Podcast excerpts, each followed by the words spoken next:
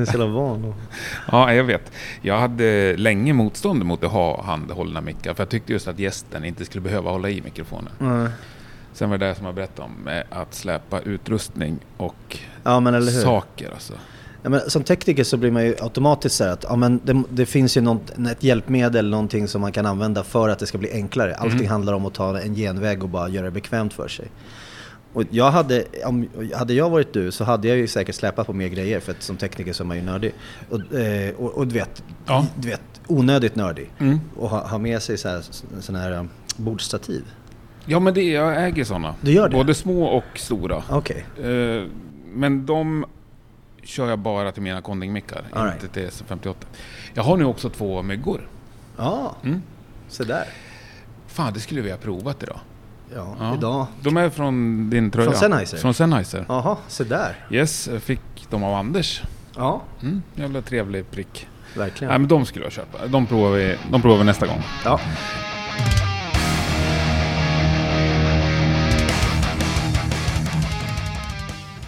Något litet är ju ändå med avsnitt 175. Det känns ju lite sådär semi-jämnt i alla fall. Varmt välkommen till Rockpodden säger jag. Idag har vi det stora nöjet att ta oss en ordentlig pratstund med Andreas Waple.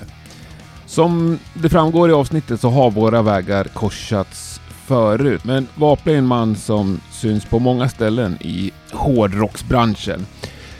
Sista tio åren så är det väl mer eller mindre uteslutande som ljudtekniker åt band som Amarante och Necrophobic och Tribulation och Galsvyrd och en massa annat.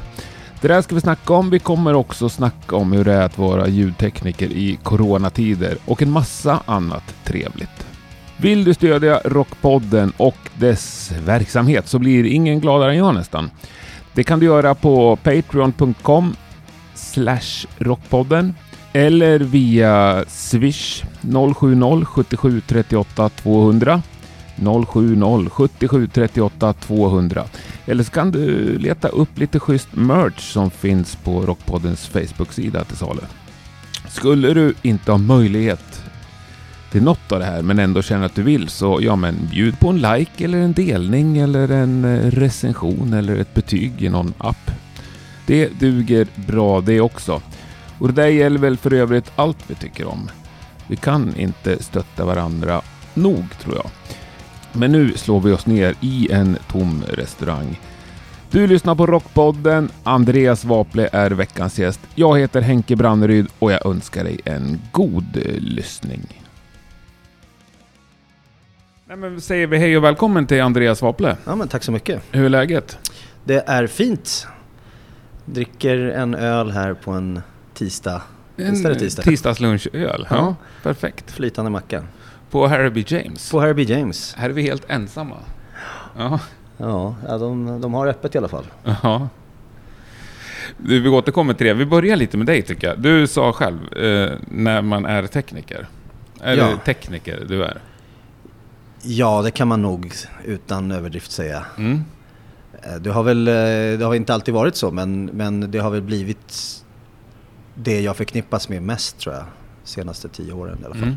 För du, jag har ju sett dig på många stolar i nöjesbranschen. Ja, ja, vi har känt varandra i några år. Ja, det har vi också. Ja.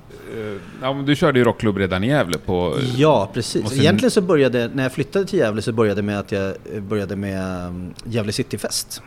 Och hade hand om kulturscenen där. Eller jag började jobba med kulturscenen 96. Men eh, jag började med produktion av kulturscenen 97. Så jag gjorde det 97, 98, 99, 2000. Och 2000 öppnade jag rockklubben. Mm. Och, Eh. vad hette din då? Det här? Det första hette Wasteland. Just ja. Ja. Klubb Wasteland, eller Wasteland bara. Ja. Och det, det började faktiskt den 14 mars år 2000. Så det kommer vara 20 år sedan jag öppnade rock, första rockklubb nu i, i maj. Nej, 14, 14 maj, förlåt, år 2000. Ja. Mm. Härligt. Och så sen så när vi flyttade den, när jag, när jag fick ta de gamla lokalerna som Snakebit hade en gång i tiden eh, i Gävle där så... Efter Urke. Efter Urke, Ja. precis. Det var ett vakuum efter honom där. Då kunde jag bygga en egen rockklubb, då var jag inte inhyrd. Då kan jag bygga allting en bar och du vet, by- byggde den här scenen med gallret och dödskallar och flames och du vet allt det där som man gjorde på den tiden. Och då hette det Club Monster. Just det, så Och den, ja. Club Monster var liksom fast i den lokalen. Mm. Jag in, körde jag klubb någon annanstans än just där, då hette det Wasteland om det var i Gävle då. Då är vi med. Och Ja. Alla som bodde i Gävle på den här tiden kommer ihåg det. På ett ja, eller jo, sätt. på Ja. ett eller annat sätt. Även, Även de som inte var hårdrockare visste väl det. Ja, men det visste de ju. Ja. Sen hette det väl där, ja det som hette Snakebit innan hette ju från början Whiskey. Whiskey Bar. Ja, Och sen så Jacks Bar. sen och det Snake levde ju kvar länge. För oss lite äldre så var det ju Whiskey Bar alltid. Ja, fast precis. det hade blivit namn så att säga. Mm. Jag läste inte på skyltar när jag gick ut. jag visste ju vart jag skulle. Ja, jag minns den där tiden. Urke stod och DJ och man Ja, var, tyckte att det var roligt. ja, det var tider. Men du har ju fortsatt med rockklubbandet i Stockholm också. Ja, precis. Jag flyttade ju tillbaka då kan man ju egentligen säga i och med att jag är född här eh, 2008, 2009 där. Och eh, då hade jag börjat med en ny rockklubb i Stockholm som heter Helter Skelter tillsammans med Lotta Fischer. Och så vi körde då på Södermalm ett ställe och sen körde vi lite grann på Ankaret. Och så sen så flyttade vi den rockklubben till Herbie James, tror det var december 2008. Började på Herbie James. hade vi Krux faktiskt. Fick bygga, det var på, eh, när Herbie James låg på Regeringsgatan och då Ja. var ju liksom scenen väldigt liten. Så jag och en kompis, vi höll på att snickra i ungefär en vecka för att göra en förlängning till scenen så att man kunde ha eh, sexmannaband då som Ja. Krux var. Eh, ja, vi fick plats. Det var rätt ballt. Men hur många publik fick plats? För det var ganska... På gamla stället, alltså det var, i och med att nödutgångarna var ganska många och stora, så jag minns faktiskt inte, men det, det måste varit en bra bit över 300 pers som fick, ja just det, för uteserveringen, ja. Du vet att efter Göteborgsbranden där så Ja. vart det ju nya regler med nödutgångar. Hade du en centimeter för lite av nödutgång, då kunde du, för, för förut så räknar man ju bara på kvadratmeter. Mm. Men så har man bra nödutgångar, då, då får man ha lite mer folk. För mitt minne är att det var så jävla litet och trångt Ja. Men det var 300 pers alltså. Ja, ja, för Ja. fan. Jag tror att det var 270 inne i lokalen och sen så uteserveringen med hela den på det. Att det var liksom 100 pers där ute. Jag för mig det. Ja, men då var det ändå trångt. Ja, Mm. Det var tider det. det var tider. Ja, och från det, för du började... Var det så att du började vara ljudtekniker på dina egna klubbar? Exakt, det var ju så det började. Men det började i Gävle eh, när jag körde Club Monster då. Först så tyckte jag att det var jävligt dyrt att hyra PA och väldigt dyrt att betala tekniker. Och jag tänkte, fan som musiker själv så har man liksom hållit på lite grann. Mm. Då fanns ju inte hemmastudios på samma sätt som det gör nu. Men eh, så jag testade lite grann och insåg att det här är ju skitsvårt. Så jag var tvungen att plugga på lite grann. Men jag började jobba åt mig själv så att säga. Vilket var det första band du rattade live? Oj, det, det minns jag inte faktiskt. Jag kommer ihåg att Elvis, eh, som sen eh, efter en paus började jobba med Sabaton och nu Mm. jobbar med Hypocrisy Mm. och, och sådana band. Han eh, var ju lite grann av min mentor i Gävle och han hjälpte mig flertalet gånger att soundchecka banden och så skulle jag bara mixa sen när det väl var gig Ja. liksom och knuffa lite reglar och justera lite volym. Precis, hur svårt kan det vara? Ja, hur svårt kan det vara? Och det var ju liksom inga problem. Det, men just det här med att få till det här perfekta baskaggeljudet Mm. och allt det där, det tog mig flera år. Mm. Och liksom, innan man liksom fick rätt feeling för det. Liksom. Och sen fortsatte den biten? Ja, Den tog över att- liksom? Det blev större än rockklubbs Ja, det blev så. Eh, det blev så. Eller, jag blev ju anlitad av Herbie James. Jag hade en klubb på Herbie James som fick frågan, vill du bli tekniker på heltid? Därför att den tekniker vi har nu, eh, jag vet inte om han skulle göra något annat eller hur det var. Och eh, då sa jag att jag inte kunde för att jag hade rockklubben i Gävle. Men jag kunde göra alla veckodagar. Och så, så började det bli. Att jag körde veckodagar på Herbie James där början av 2009. Och så sen så eh, körde jag på det- 2010 la jag ner klubben, slutet på 2010, eh, i Gävle då, Mm. Wasteland, som då var i källaren på, på Harrys på slutet. Där även Gävle Hårdrocksklubb tog över och körde. Just det, ja. Exakt. Det var jag, Pudas och Sami Mäki i Gävle som gjorde det. Sami Mäki som faktiskt var här för ett tag sedan när jag inte jobbade med sitt nya band. Eh, vad heter de då? Eh, vad fan heter Samis nya band? Sami Mäki, jag vet inte ens vem det är. Pudas vet jag vem det är. Orkestern och, och kompar. Vad fan han spelade i... Med, med Thomas som han hade... För jag kommer ihåg att de spelade i... När jag hade King Chrome för hundra år sedan Ja. i Gävle så spelade, hade de ett band som heter Audio Porn, Thomas och, och Sami. Och nu har de ett som heter... Jag måste fan... Var de här och lirade? De var här och lirade, precis. Och hade fantastisk gig. Jag lyssnade på några låtar, låter ja. svinbra. Men Thomas som är med Corroded. Ja. Från Hofors eller vad han är. Ja, men då vet jag vad de heter. De heter... Uh... Ja. Monochrome heter de ju Antihope. Antihope, ja. Du Antihope heter, Antihope heter bandet, ja mm. precis. Nej men, eh, så det, det, körde vi där då på Harrys. Men det, det vart för jobbigt för mig att pendla fram och tillbaka till Gävle för att hålla den klubben i liv. Så att jag, eh, jag kände mig tvungen att eh, lägga ner till slut. Mm. Och fokusera på Stockholm och då, tog jag, då, då jobbade jag heltid med Herbie James under en period. Och sen när kom ditt, för nu jobbar du ju sjukt mycket över hela världen. Ja. Eller gjorde i alla fall, tills nyss. ja. Oj, vilken misär. hur, ja. hur, hamnade, hur blev det så? Det hela började faktiskt med Kristet Utseende. Uh, för när de, började, när de kom tillbaka där och gjorde sin um, comeback-turné så gjorde jag några gig med dem eh, när de inte spelade i, eh, på min egen klubb. Då. Och, och då fick jag liksom, då, jag tyckte det var skitkul att åka iväg och, och, liksom, och, och gigga och eh, ratta ljud på olika ställen och liksom ha en plan och liksom ha med sig lite egna mikrofoner och sånt där. Så det, det, någonstans där 05-06 det började och sen så fick jag börja jobba seriöst som turnerande tekniker egentligen efter 2011. 2010-2011 där, det, det är då det liksom började ta fart när jag fick mer förfrågningar och så. Vilken var stora banden Liksom... Största var väl Amarante på den tiden. Ja. Eh, Amarante kom in då, jag tror jag började med dem 11 12 där. Jag tror jag gjorde första giget 11 och sen så vann de Bandit Awards 12. Jo, det, jo 2012 var det. Fredde fyllde 40 bast. Jag var på Bandit Rock Awards med en påse från Buttericks full med cowboykläder för det var cowboy-indianer-party. jag kunde inte stanna och vänta och kolla om de hade vunnit. Jag hade en polare i en bil utanför med motorn igång som skulle köra mig till Spånga på en 40-årsfest. Men de vann ju, så jag var mm. jätteglad. Härligt. Ja.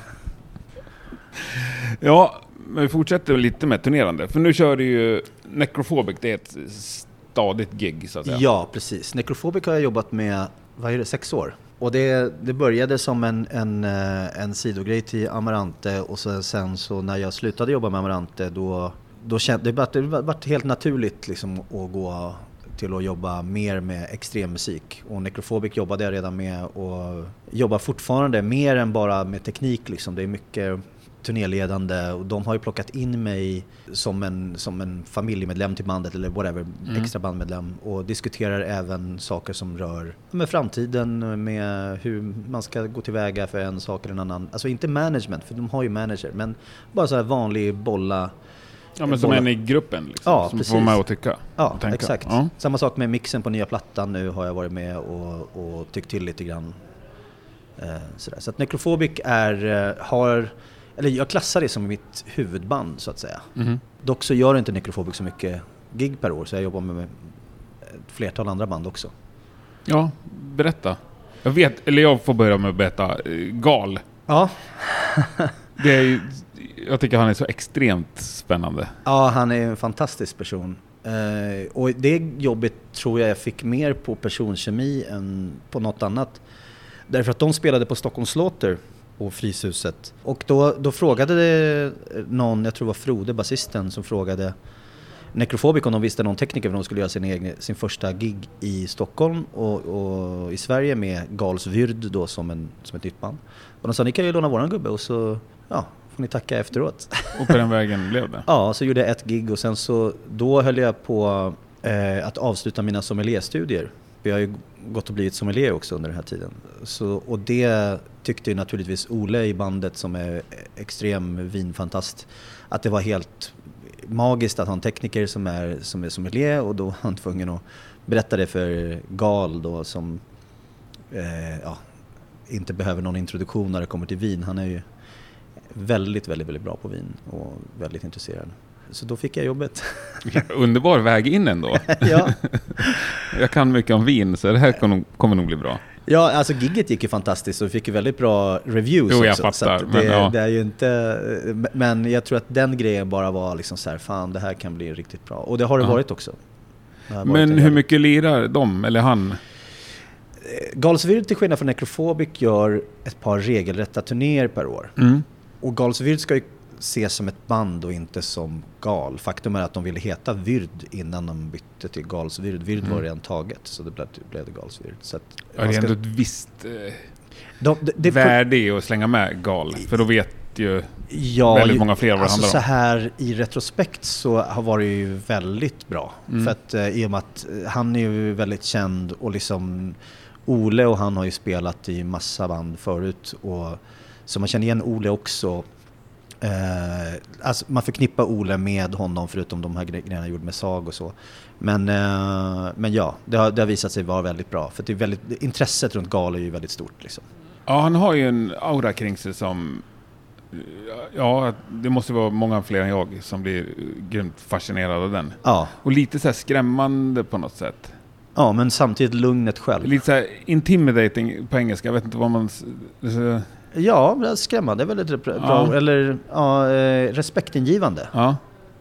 Den här episka intervjun när han stirrar ut Ja, just journalisten på det. Vice-intervjun där. Ja. Ja. Efter det frågade jag dig om du kunde lösa en intervju med honom. Han har ju varit så... eh, Nu, alltså Jag skrattade tycker... han bara bort, märkte ni det? Ja, nu bidde ingen återkoppling på en Ah, fråga. Nej men det är klart att du får... Det var ett par år sedan jag frågade. Ja. Nej men vad fan, du du måste ju vara i s- samma stad som vi är bara. ja, men det ska jag se till att vara. När, Ja, men då, jorden, då saken är biff. när jorden börjar snurra igen ska jag vara det. Ja. Mm.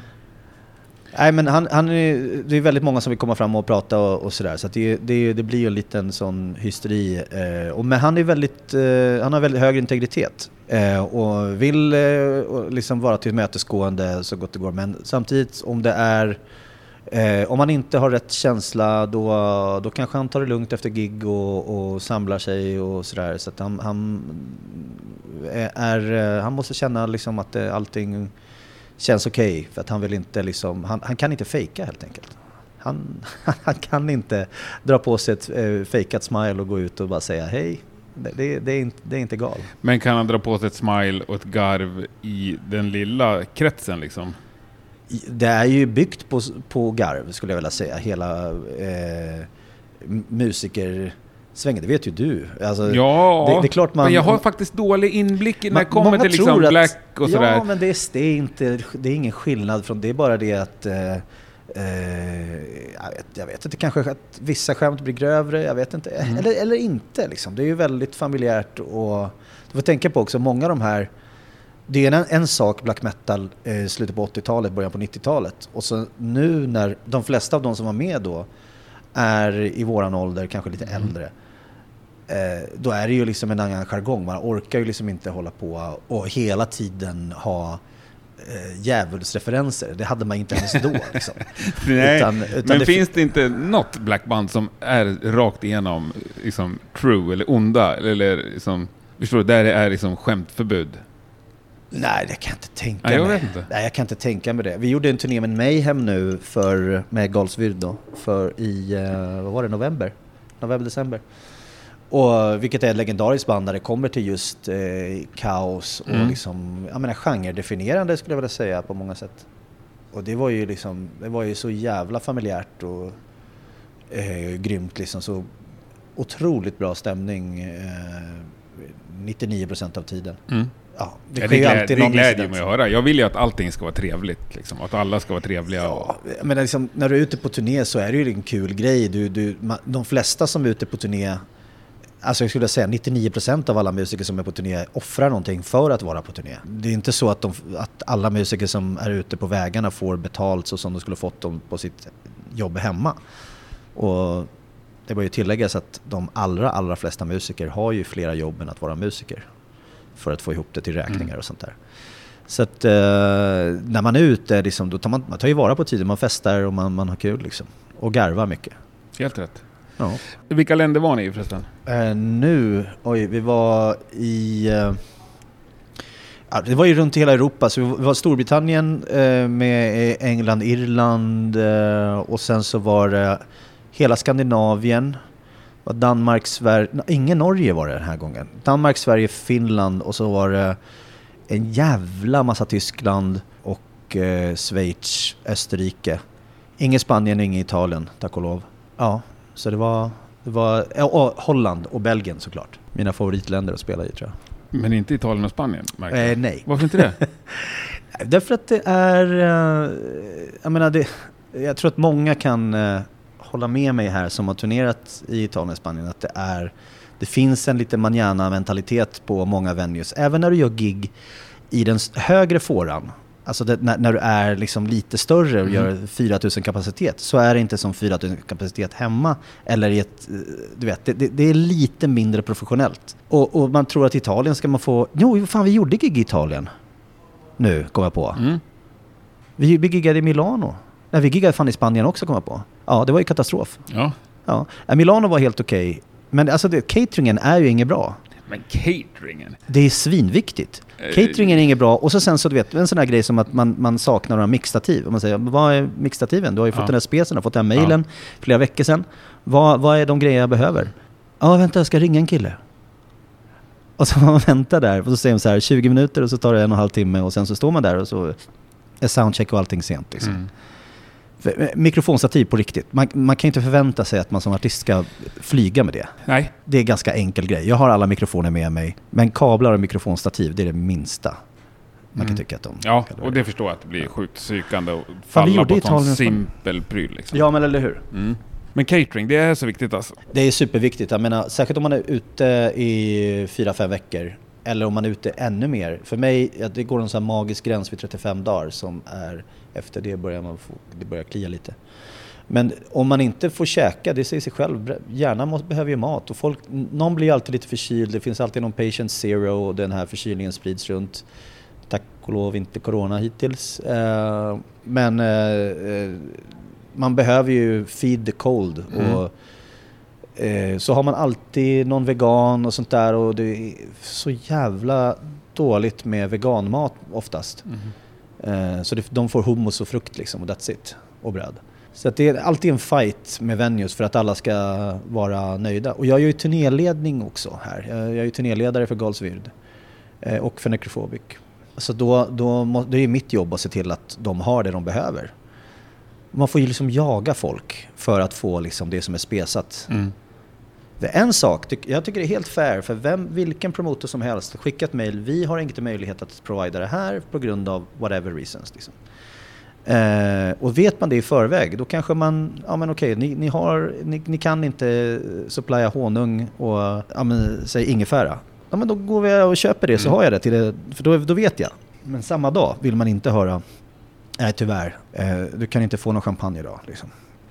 Nej, champagne vill man inte vara utan. Nej, det är ju en mänsklig rättighet. Ja, absolut. ja, det är svinroligt ju, tycker jag. Men du, nu nämnde du det själv, Corona. Jag vet att jag har, jag har fått lite beröm här sista veckorna för att jag inte har pratat så mycket Corona. Men eh, jag tänkte ändå nu fan dags att köra ett, ett litet hugg i Coronaträsket. Toucha ämnet i alla fall. Faktum är att jag var på turné på under, nu när under pandemin började. Berätta. Jag var ute med Audrey Horn från eh, Bergen.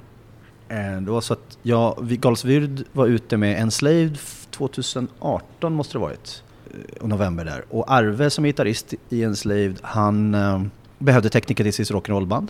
Eller actionrock eller vad man ska säga. Hårdrock. Och jag fick frågan och tackade ja. Så vi åkte den 7 mars. Ja, då hade du ändå börjat rep. Det hade börjat och vi, jag var så här, åh oh shit vad kommer hända med det här? Mm. Kommer det här bli, bli av? Men vi, vi åkte. Han var ute en vecka, ganska precis tror jag. Ja. Och så sen så, eh, vi fick ett gig inställt eh, i München på Backstage, det här stället där man alltid mm. spelar på. Och så skulle, hade vi några gig till efter det. Men då började Norge och, och krångla. Så att bandet bestämde sig för att vi, bryter, vi åker hem så att vi inte hamnar i någon karantän utanför vårt hemland. Mm. Och, och det får kosta vad det kostar vill att ta sig hem. Liksom. Fick inte tillbaka några flygbiljetter och sånt där. Det blev ju liksom, ja, men, nästan 30 000 med alla, alla flyg hem. På grund av att det var så jävla mycket merch som var kvar. För man planerar ju merch efter ja. de giggen man har. Och har du då eh, några gig som du inte har sålt merch på, ja men då får du mer och då blir det mer overweight och sånt där. Och dessutom chauffören, han var ju från Tjeckien. Och där skulle de stänga gränsen för alla, även egna invånare. Han, han, tog sig hem, tack och lov. Mm. Jävla klippare den här mannen. Nej men så det vart ju jävligt surt och med förväntade inkomster också. Mm. Jag tror att det, det är nog så för de flesta som eh, är kulturarbetare att man, man vet ju liksom de här inkomsterna har jag under året och så ska man liksom portionera ut dem med de utgifter man har och kolla liksom vad kan man lägga undan, vad kan man liksom göra av med. Och har man då eh, april månad, som jag, eller mars och april månad som har varit väldigt på, på, på pappret väldigt bra för mig. Eh, då tänker man så här, ah, fan vad bra, nu, kom, nu är sommaren räddad, eh, man kommer kunna åka någonstans eh, eller kanske ta ledigt någon gång. Eh, men så blev det inte riktigt. Nej, och jag menar, jag lider nog grymt med alla band.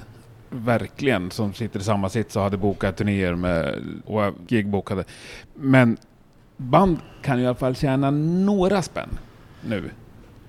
De kan sälja t-shirts fortfarande och Ja, ja. plattor och de kan köra lite streamade gig och så. här. De kan göra något, men just tekniker, Ja, men jag skulle säga, inte bara 0,0. tekniker utan alla som är i nöjesbranschen professionellt. Eh, det finns ju väldigt många tekniker som jag känner som sitter på leasingavtal på mixerbord, ja exakt. eh, leasingavtal på, på firmabil och så Mm. vidare. Och de måste ju betalas varje månad. Eh, och de tjänar som jag sa- 0,0,0 nu liksom. Ja, ja. Det finns ju då eh, a-kassa för småföretagare och sånt där. Så att det, det är ju de som har det och de som är med i Mus- Musikerförbundet har ju möjlighet till att, till att få juridisk hjälp för att få all, det här stödet som har då är ute. Men det är väldigt oklart. Däremot, som jag sa tidigare, de, här, de flesta musiker, de har ju ett eget jobb. Mm. För att du gör kanske en 80 gig per Mm. år, eller om du är någorlunda framgångsrik. Eh, säg att du gör 40 gig per år, eh, där Necro ligger någonstans, kanske 35 35-40. Då behöver du ha ett jobb för att betala räkningarna. Mm. Att, och då, då, har man ju liksom, då är man omfattad av lite lönegaranti, lite annat sånt. Men de flesta som jobbar heltid med eh, teknik, särskilt ljud. Mm. Videokillar tror jag gör ett bra... Eh, Videokillar har ju... eller de kommer att göra det, för nu har folk börjat vakna. För att jag, Mm. jag vet faktiskt videofolk... Eh, eh, jag fick hjälp av Qenter eh, som jag vet hade inte så mycket jobb ett tag. Eh, för de skulle hjälpa mig med en, en nekrofobic Mm. livestreamen som vi gjorde. Mm. Och jag vet att det är många som sitter utan jobb av videofolket. Men Mm. Det kommer att komma mer jobb till dem nu Ja. under en överskådlig tid. Ja, det tror jag också. Vi, vi har, jag har varit lite inblandad i ett gäng eh, spelningar som har kört i Studio Gröndal. Och då har vi haft ett helt video-crew liksom. Fem, sex pers. Ja. Och de tror jag inte hade jobbat jättemycket med musik innan. Men de gör ju ett kanonjobb liksom. Ja, det är ju det är väldigt... Det kräver ju en spetskompetens det där. Ja, verkligen. Så bildproduktion har jag fått en helt annan inblick i nu. Ja, eller hur? Och liksom... Eh, och allting är ju digitalt och det behövs ju liksom... Eh, så, eh, det är så mycket som kan krascha. Det märkte vi när vi gjorde Necrophobic-streamen. Enormt mycket teknik alltså. Vi hade en dator som kraschade, vi hade två kameror, som sagt vi hade folk som hjälpte mig. Eh, mycket, några av de här som jag jobbat med på Münchenbryggeriet Mm. eh, ställde upp gratis. Du vet, alla ställde upp gratis, det, ingen Mm. fick ju några pengar för det, för då, vi, då skulle det inte här gått ihop. Eh, och så kraschade datorn precis när vi ska börja. Så vi fick göra Necrophobic-streamen med en, med en telefon. Det gjorde vi faktiskt här på Ja. Herb James. I sista sekund så bestämde vi, ja, vi gör det här nu för Ja. att folk har väntat och sånt där. Ja, det är väl det som är bra med det här kamerateamet i Gröndal. De jobbar ju med konferenser och sånt där egentligen. Så de kan ju det där med Men det- det gör de här stream också. och bandbredd. Och de, Men om, men om en dator kraschar, Ja, nej, då spelar det ingen roll hur mycket de som Hur är runt omkring kan, kan, om man inte har en backup Nej. då. Nej, jag fattar. Ja, kul. Vi ska köra Skräcködlan och Vokonis nu på lördag. Jaha. Nej, henne. Det händer ju saker fort i dessa tider som jag har lovat mig själv att aldrig mer säga. Det är tyvärr så att Vokonis har blivit tvungna att ställa in den här spelningen på grund av sjukdom.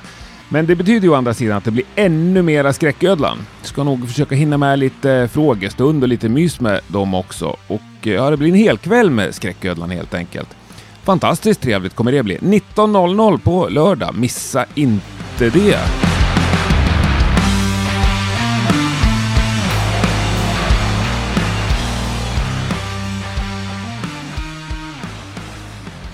Vi kolla hemma i soffan. Var, var, var ska ni streama ifrån? Vi streamar ifrån Gröndal, ifrån studion. Ah, okej. Ja, fan vad tufft. Så det är ju det är ljudet liksom. Så det har varit kalas innan. Ja. Jävligt bra band. Otroligt bra. Har de stått här någon gång? Nej, det har de inte. Nej. Inte vad jag vet. Vilka band har stått här? För du bokar lite band här också på Harry James? Ja, alltså Under- jag, jag eh, och David eh, Dave LaRox då, har den här klubben Crazy Nights som kör en 80-tals revival. Och det har pågått då sedan 2006. Och jag klev med i klubben 2010 eller 11. Jag minns inte riktigt. Men det var Nicke och Dave LaRox som startade klubben. Så där bokade jag band. Och Ove som är då huvudnöjesansvarig här på Harby James, eh, vi bollar massa idéer, för jag får massa förfrågningar och Mm. jag skickar vidare och sånt där. Vi kollar vad som är möjligt på ett litet venue som inte har, som inte tar entré i en vanlig eh, bemärkelse så att säga, i och med att det är restaurang här. Så. Mm. Ja, men jag bokar lite grejer fortfarande. Ja. Det är underbart. Men ni har pausat allting nu? Alla gig i april är, eh, är inställda eller flyttade. Vi har hittat datum till ja, i stort sett allt. Har ni hittat nya datum? Ja. Hur långt fram börjar ni boka? Eller, Men vi tänker på att eh, vi kör ju två, tre gig i veckan. Ja. Eh, och så att datumen ryker ju väldigt fort. Mhm. Jag tror inte vi har något ledigt före september. Om man ska vara ärlig. För all, hela sommaren är bokad, allting är bokat Ja. långt fram. Så att du, Och då bygger det på att det kommer bli spelningar i sommar? blir det inte det så får ju de flyttas längre fram också. Ja. Eh, vad fan ska man göra liksom? Nej, jag vet, men det är den där matematiken som är så svår. Ja, det är så jävla svårt. sex, Jag menar, september och oktober också blir utan Jag gig. kan ge ett exempel. Eh, The Greed som är ett Stockholmsband eh, som jag har jobbat med flertalet tillfällen. Jag tycker det är jävligt bra. Jag turnerade faktiskt med dem tillsammans med Heat för ett par år sedan. Och jag har försökt få till ett gig med dem här i sin hemstad Mm. eh, jävligt länge. Och så har det varit fram och tillbaka med plattan, bla bla, bla allt det där och management. Och nu äntligen så har jag fixat ett gig till dem 15 maj. Efter att ha kämpat kanske ett år, ett och ett halvt för att få till det bara. Allting ska stämma med tid och sånt. Mm. Ja, vi får väl se. 15 maj känns ju nästan... Nej, jag, jag, jag, jag är tveksam.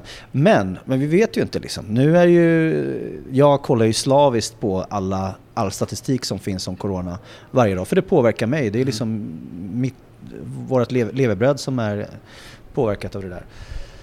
Så, och det, det ser ju inte ut som att det kommer att bli värre, tack och lov, just nu i pratande stund. Men eh, så jag hoppas verkligen att jag kan, kommer att kunna göra majgiggen. Jag hoppas det. Jag har åskväder som väntar. jag fick ett eh, sms precis av Martin här om eh, om, vi, om vi ska flytta dem till augusti eller inte. Jag har ett eh, datum reserverat för dem där. Det, det är ju liksom, det, det är tricky. Och banden vill ha svar och jag vill helst vänta och du vet. Ja, det är ett helvete.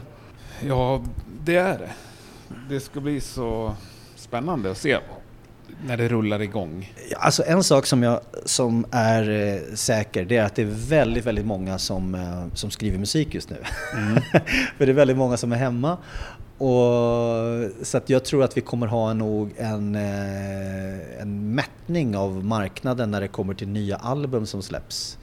Eh, inte bara de som släpps genom skivbolag utan även de som släpper eh, independent eller själv, helt och hållet själva och, och försöker promota. Det kommer att vara jag tror vi kommer drunkna i, i reklam och det kommer vara svårt att se vad som är vad. Och nå igenom bruset. Det är svårt i vanliga fall. Ja, För det är ju också plattor som skulle släpps nu som har skjut, definitivt. skjutit upp releaser. Necro till exempel, de har precis spelat in eh, senaste plattan med, med vad heter det, Fredrik Folkare, Mm. även spelar i Unleash och faktiskt var medlem i Necrophobic under några år. Och den skulle, planen är att den ska släppas i sensommaren, kanske tidig höst, får se. Men nu är, nu jag, jag har sett att det är så många plattor som är framflyttade Mm. till augusti. För att man vill kunna ha Mm. kanske något event kring den, release party och så vidare. En liten turné. Och, En liten turné eh, vore ju trevligt. Mm. Men nu, jag vet inte vad som kommer hända med den. Nej. Tribulation, ett annat band som jag jobbar med. De eh, är eh, i skrivande stund också. Jag tror inte de har spelat in än. Nej, men de håller på och förbereder. Men det var ju också enligt deras plan. Ja, men eh, så den releasen ska ju inte vara mycket senare än i början på 2021. Nej. Men 2021 kommer bli tricky år. Jag tror där, i början på 2021 kommer det bli väldigt mycket plattor. Ja, fy helvete. Ja. Och sen bygger det också då på att... Alltså jag kan ju tänka att nej men visst, jag kommer gå på ännu mer spelningar när, när man väl får göra det igen. Ja. Men det bygger på att liksom alla börjar göra det. Ja, alltså eh, man får tänka på också att det är ju, alltså plånboken klarar ju bara av så mycket. Mm. Och har du då eh, en stor del av befolkningen som Mm. tjänat mindre stålar så blir det ju svårt för dem Mm. att, att gå, på, eh, gå på gig om de, Mm. eller gå på alla gig i alla fall. Och det skulle också vara en jävla bedrövlig konsekvens att banden fick ännu mindre betalt. För att det blir så prisdumpning. Alla vill lira. Jag tror, jag tror att det är en... eh, jag tror inte att vi kan komma ifrån det faktiskt. Nej. Jag tror att det, eh, hur du än gör Men så det är liksom kommer dubbelt sorgligt. När man väl får börja turnera igen så får man... Ja, men om du tänker så här. Eh, för det första så vet vi inte hur det kommer bli med hur många människor som får vistas i samma lokal. Så det kan vara så att alla produktioner som är över eh, 100 personer, eller 500 Mm. personer i bästa fall, blir inställda. Och då, om du då gör ett gig, om du är ett band som drar någonstans 1200 pers vanligtvis. Det är antingen gigga eller gigga för 500 pers. Och då kan du tänka dig, hur blir de biljetterna?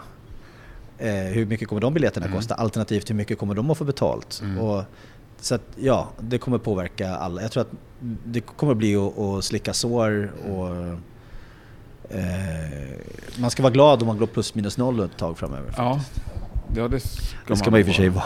Alltid. vanliga Enda målet med den här livet. jävla branschen. Men jag tänker då också band som är ännu större. Ja, Alltså vi tar det- band som börjar bli så stora så att de inte har extra jobb. De har, de har kanske anställd personal året om. Definitivt. Sabaton är ett av dem. Ja, Ehm, för då har de också jävligt mycket utgifter. som är även fasta, när de som står och inte tickar. spelar. Ja, Ja. det stämmer. Eh, Och inte bara det, men tänk dig liksom, eh, om vi ska ta Sabaton då som exempel. De har ju liksom, eh, de har ju egen nightliner. Mm. Eh, jag tror att till och med att de har egen mekaniker. Du vet, folk som är, liksom är eh, heltidsanställda av bolaget liksom. Det är ju det är sådana saker. Tekniker som har egna mixerbord som de betalar Mm. av. Man cashar liksom inte en mille bara sådär. Kanske Nej. inte alla köper mixerbord för mille men ja, 200-300 tusen i alla Mm. fall. Det, är, det är tufft. ja, det låter lite deprimerande. Ja, man tycker ju redan, alltså det är många i branschen som säger så här, ja men fan eh, nu ska jag iväg och sälja lite stjärt liksom. För man, man gör liksom kanske ett gig som man inte, ja men som ibland när man jobbar på, när man, man gör ett band som man egentligen inte gillar eller någonting, du vet sånt där som, ja. Man tycker man jag redan förstår sålde inte. stjärt. Förklara, berätta mer. Jag kan berätta, jag mixade musikal här för, för något år sedan som jag tyckte var det hemskaste någonsin varit med om. Eh, jag, jag gjorde det bara för att jag hatar musikaler eh, och jag ville eh, se om jag kunde ändra mig men det gick inte. Gick åt fel håll. Nej, det var hemskt. Ännu mer. Jag var- Jag var väldigt fokuserad och gjorde mitt jobb till min bästa Mm. förmåga men det var hemskt. Ja, nej, jag skojar såklart. Det är klart alla fattar att ibland måste man göra saker för att få in... You gotta bring home the Deg. bacon. Ja, ja det är ju så.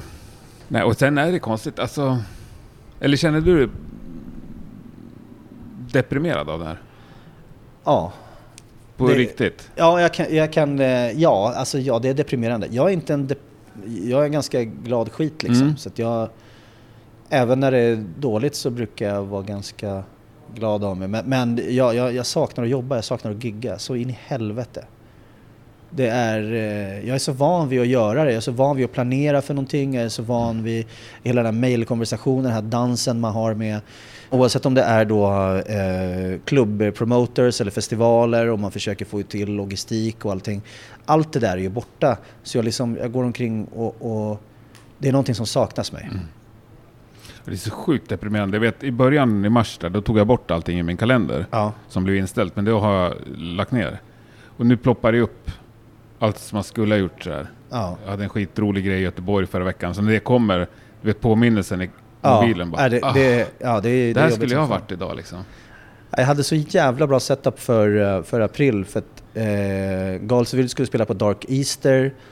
Och så skulle Hordom Rife som jag åkte med när vi supportade Behemoth här förra året. De skulle spela på Inferno, en av, enligt mig, världens bästa festivaler. Mm.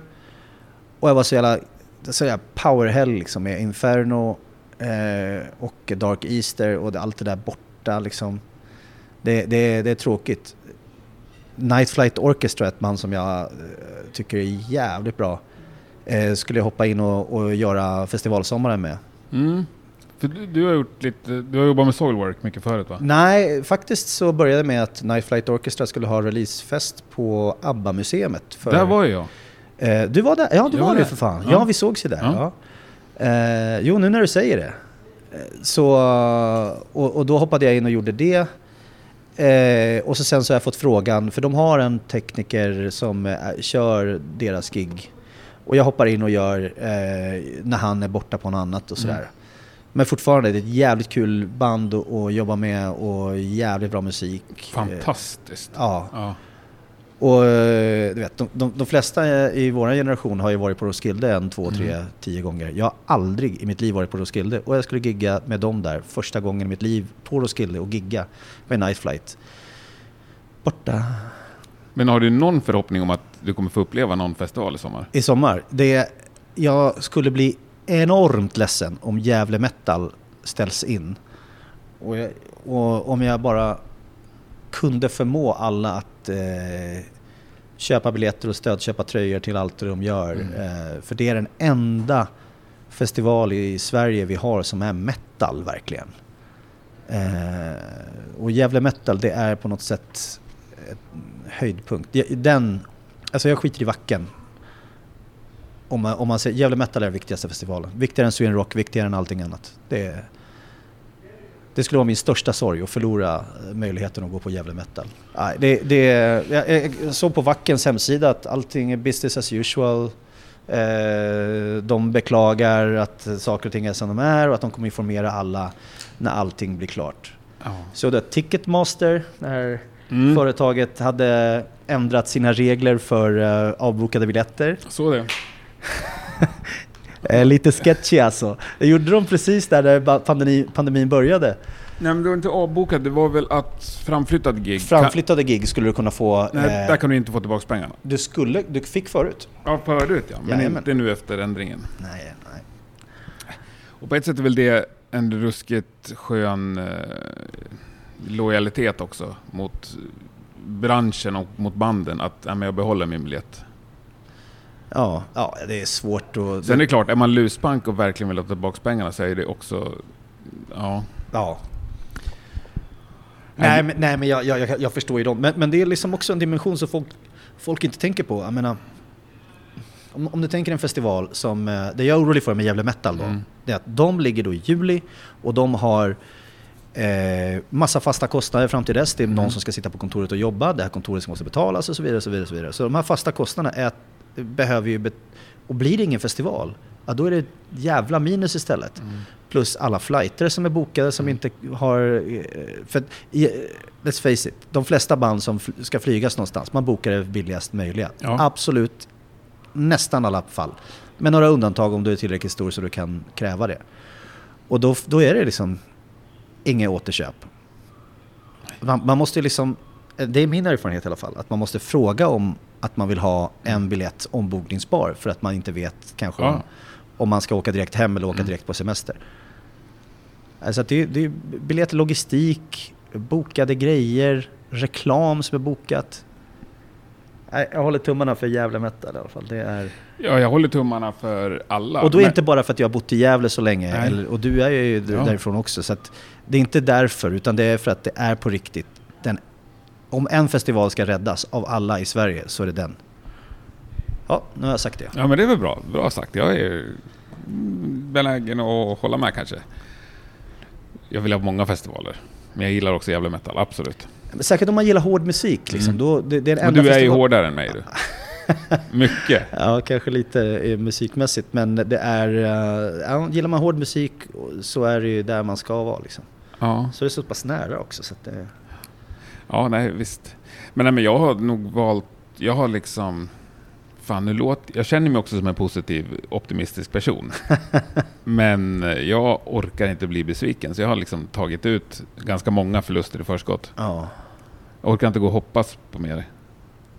Ja, men, alltså, nej, jag vet inte liksom, när det kommer till försörjning hur man ska göra. Jag, jag, jag, kanske måste jobba med någonting annat än, än musik eh, och eh, vin. Som, I och med att jag är sommelier, liksom, hur, Det är också kopplat till något det är ju restaurangbranschen liksom. Som är lika Ja, kanske blir att jag börjar jobba på Systembolaget eller någonting. Jag, Ja. jag har ingen aning. Eh, men eh, jag måste ju hitta ett alternativ liksom. Mm. Och så är det ju också så in i helvete många som söker jobb just nu. Ja. ja, vad fan ska man göra? Positivt. Eh, Förlåt att jag tryckte ner. ja, men vi ska, vi ju Allting går åt helvete bara. Och jag upplever också att i samhället så, visst, många, eller allting går åt helvete och folk är bedrövade, men på något sätt vid gott mod. Jag har inte träffat på folk som sitter... Vi har det jävligt bra eh, i, i Sverige och eh, faktum är att vi, vi fortfarande kan göra gig. Liksom. Anchor har ju eh, kört livespelningar, mig veterligen. Herbie James kör ju fortfarande på. Vi har ju inga eh, live-gig under april. Men eh, vi har ju alla events och de kör ju öppet varje dag. Mm. Liksom. Och även fast jag eller du kanske inte går ut varje dag på krogen eller eh, går ut och gör så pass mycket. Så bara friheten att veta att man Mm. kan göra det eh, är ju värt supermycket. En enorm skillnad jämfört med stora delar av resten av världen. Jag menar, när, vi, när Audrey Horn åkte hem från den här turnén vi gjorde Mm. i, där i mars. Så de blev vi satta i karantän direkt och de får inte gå ut. Och i Tyskland får man inte vara mer än... Man får inte vara två personer på en och samma ställe. Mm.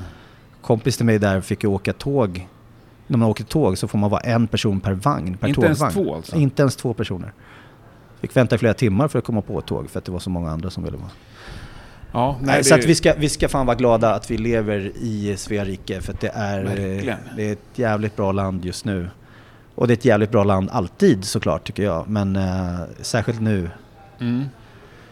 Och så får vi bara hoppas att, eh, att det här stödet som ska gå ut till kulturarbetare, att det blir någonting av det. Ja, att det blir av det tror jag. Bara att det fördelas på ett bra Ja, sätt. för hur fan fördelar man det liksom? Det är det som är problemet. Ja. Det, jag tror att de kommer börja med metal. Ja, jag Sen tror får vi se om det blir något över till de, konstmusik. de här som brände och, kyrkor på, på 90-talet, de måste ha pengar först. De kommer få först, det tror jag. Eh, och sen så eh, tycker jag att alla som har eh, sjungit om eh, Jesu död och Mm. eh, hur man bäst torterar en minderårig eh, ska få pengar först också, företräde tycker jag. Ja, nej men det är så. Och alla rockklubbar som har åtta ärenden hos miljönämnden för att de stör grannar, de kommer också få bidrag först. Det tycker jag definitivt. Mm. Ja, men det tror jag. men du, framtiden brukar jag alltid prata om. Ja, Nu blir det nästan som dröm, dröm istället. Ja. Vad drömmer du fritt om i framtiden? Corona eller ej, så att säga?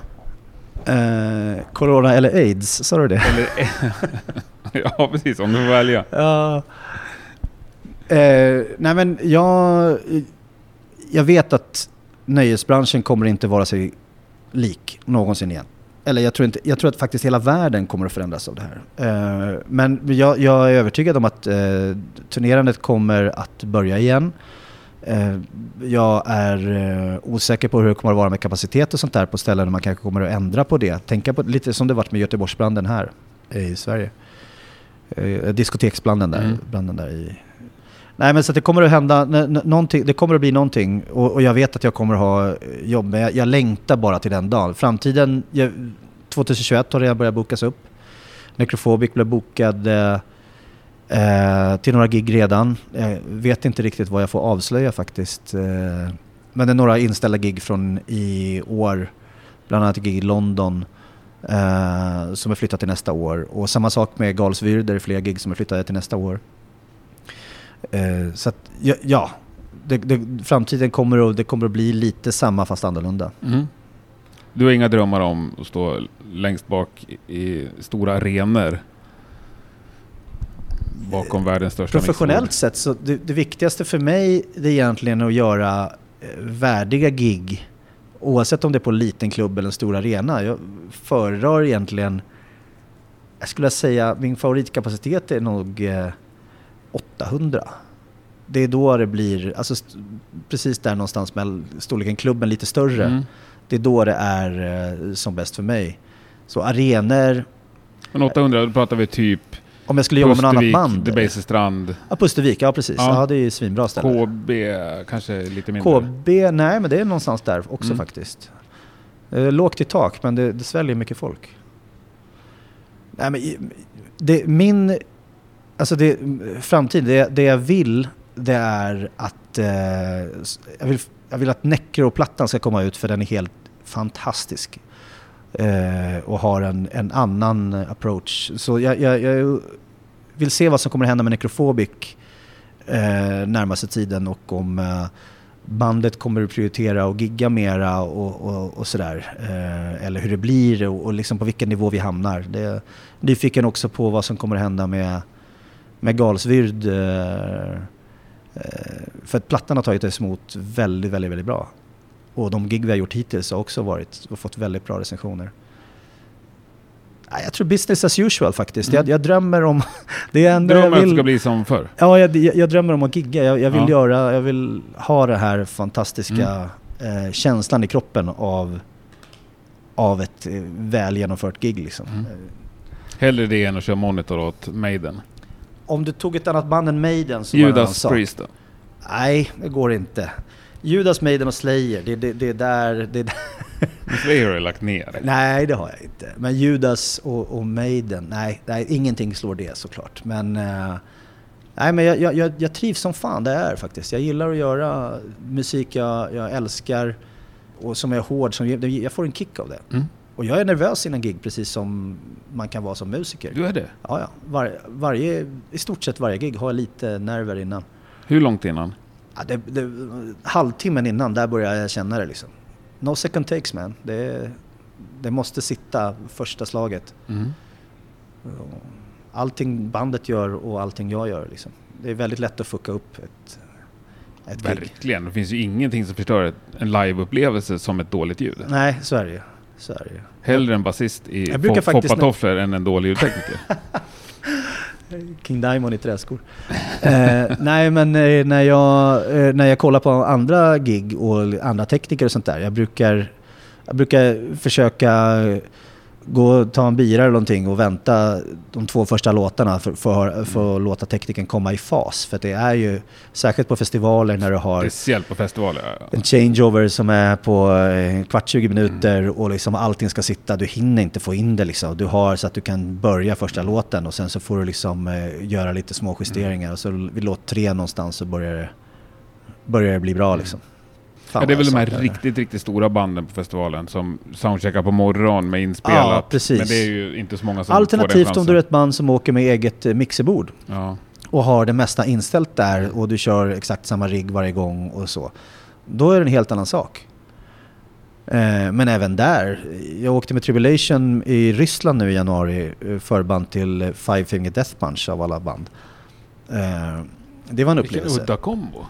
Det har jag missat. Den, turnén missade jag. Ja. I Ryssland dessutom. Ja. Och då, de hade ju med sig samma rigg som de som de alltid kör och hade, jag, vet, jag tror inte de hade egna mixerbord men det mixerbordet som de alltid kör med och hade liksom allting sparat och fint och sådär. Mm. Men de körde ändå liksom två och en halv, tre timmars soundcheck. Eh, men på festivaler, det är då det är som mm. jobbigast för alla. Särskilt monitor också. Oj, oj, oj. att ha råd med monitortekniker, det är någonting som är eh, skönt för många band. För helvete vad många gånger det har varit problem med just det liksom. Att man, att man inte hör, hör sig själv. Och så säger man till någon som inte pratar engelska, du kan du höja lite gitarr i min monitor och så får du jävla massa kagge istället. Och bara sänk kaggen lite grann så försvinner den. Ja du vet, det där. Ja. Och in-ear, det är inte kompatibelt med black metal eller? Såklart det är det. Det är det? Ja, ja. ja då har du ju men det lite är bättre inte, i alla fall. Nej, ja, ja. Det är kompatibelt, men det är ju liksom en smaksak. Mm. Alla gånger. Och vare sig Necro eller Galsvyrd kör mig ner. Uh, av den anledningen. Det, det, är jävligt svårt att vänja sig vid. Uh. Ja, det kan jag tänka mig. Tribulation eh, eh, började med ner för Jonka för eh, ganska precis ett år sedan. Mm. Han, berättade, han pratade i den där micken för ett par veckor sedan. Alltså, Berätta det var så om fan. det. Ja. Ja. nej, men jag hookade upp dem med Sennheiser för att Jonka vill alltid ha så jävla starkt i monitor, så hög sång. Så att alla andra måste höja jättemycket för Mm. att det ska liksom funka. Och så då sa han, fan men eh, i ner då? Och efter lite snack så, så gick jag med på det. Så det, det är väl det band som jag har jobbat med som kör med ner numera. Amarante till exempel, de körde ner allihopa. Stereo, alla medlemmar. Smash It to Pieces, samma sak. Nej, Och Amarante kör väl sjukt mycket backtracks också. Sjukt mycket och sjukt mycket. De, de har eh, alla keyboards är på backtracks och Mm. är det en kör som ligger, det ligger eh, 12 röster på platta så har de kanske tre av de rösterna ligger med i bakgrunden. Mm. Så, så det är upp till tekniken hur man, hur, hur man vill blanda in det. Jag ville ju aldrig överdriva backtracksen för mycket för att det ska låta mer naturligt när jag jobbade med dem. Och de gig jag sett med Amarante nu, det har låtit svinbra. Ja, jag ska inte... Det kanske var mer en fördom. Ja, jag tror att det finns mycket för... Det, och det grejen är så att det finns många band som är väldigt lätta att... Eh, eller lätta måltavlor liksom. Okej, Amarante är långt ifrån true och man kan säga vad man vill om det. Men, men eh, det är ju hårt jobbande, jobbande dudes liksom. Ja, det ifrågasätter jag aldrig. Och jag, att, och dudes och en dudette. sen så... Ja, nej, jag ska inte, behöver inte försvara mig. Man får tolka det som en liksom, måltavla om man vill. Men det, Ja. Men alltså har man keyboard så inte har en keyboardist, det är klart man ska få ha backing tracks liksom. Det är, kolla ja. bara på hur många pålägg folk gör i studio. Det är klart man ska kunna använda det, det där.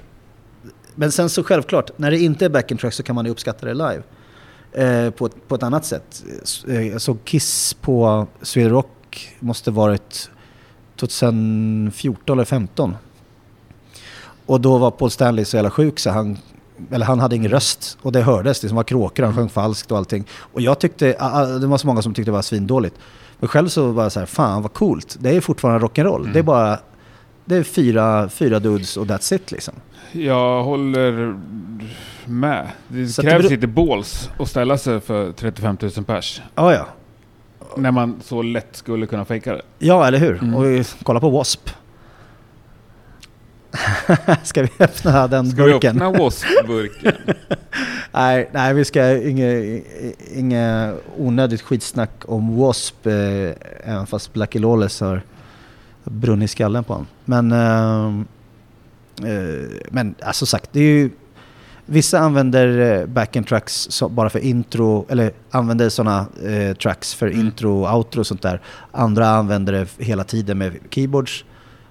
Jag bryr mig inte. Så länge liksom det är hjärta och, och eh, liras ordentligt och så länge det är headbangas. Då är du med. Ja. Är det fina slutord eller? ja. Ja. Nu, nej förresten, du ska få svara på vilket Sveriges mest underskattade band är. Sveriges mest underskattade band. Jävlar. Jag tror, många av de band som jag tycker är jävligt bra och förtjänar mer uppmärksamhet kanske inte är så underskattade av alla men Night Flight Orchestra måste definitivt vara ett av dem som jag tror vi kommer att se mycket mer av eh, så fort de blir upptäckta av alla för det finns Nej, jag, vet, jag vet inte, bara, är man svensk också så Mm. med eh, de referenser som finns till ABBA och... ABBA och liksom det, det, det svenska sättet att skriva musik på. Mm. Särskilt om man gillar att ta en martini och eh, liksom eh, sätta sig på ett sent flyg. Champagne funkar också. Champagne funkar jävligt bra också. Ja. Jag skulle säga Night Flight. Eh, ja, det är väl ett fullgott svar. Night Flight Orchestra, ja. Ja. Yeah. Kör vi på det. Stort tack för din tid. Tack snälla. Och så lycka till så hoppas vi att framtiden är eh, snart. Ja. Tack. Ja, härligt. Kör. Tja! Ja, tack Vaple. Om du bara visste hur många gånger jag har rättat folk som har uttalat ditt efternamn fel. Det där var ju en riktigt trevlig stund. Hoppas du som lyssnat också har haft det. Nästa torsdag kommer Rockpodden tillbaka och det kan jag säga redan nu att det kommer bli ett högintressant avsnitt. Missa inte det! Ha det underbart! Tack och hej! Ska vi avsluta med en låt? Jag har ju gjort det nu de sista veckorna. Det kanske är Det här är en ny tradition som håller på att skapas. Ja, men då gör vi det. Och eh, vet ni vad vi ska avsluta med då? Någonting som jag hade missat eh, eh förrän eh, började snacka om det.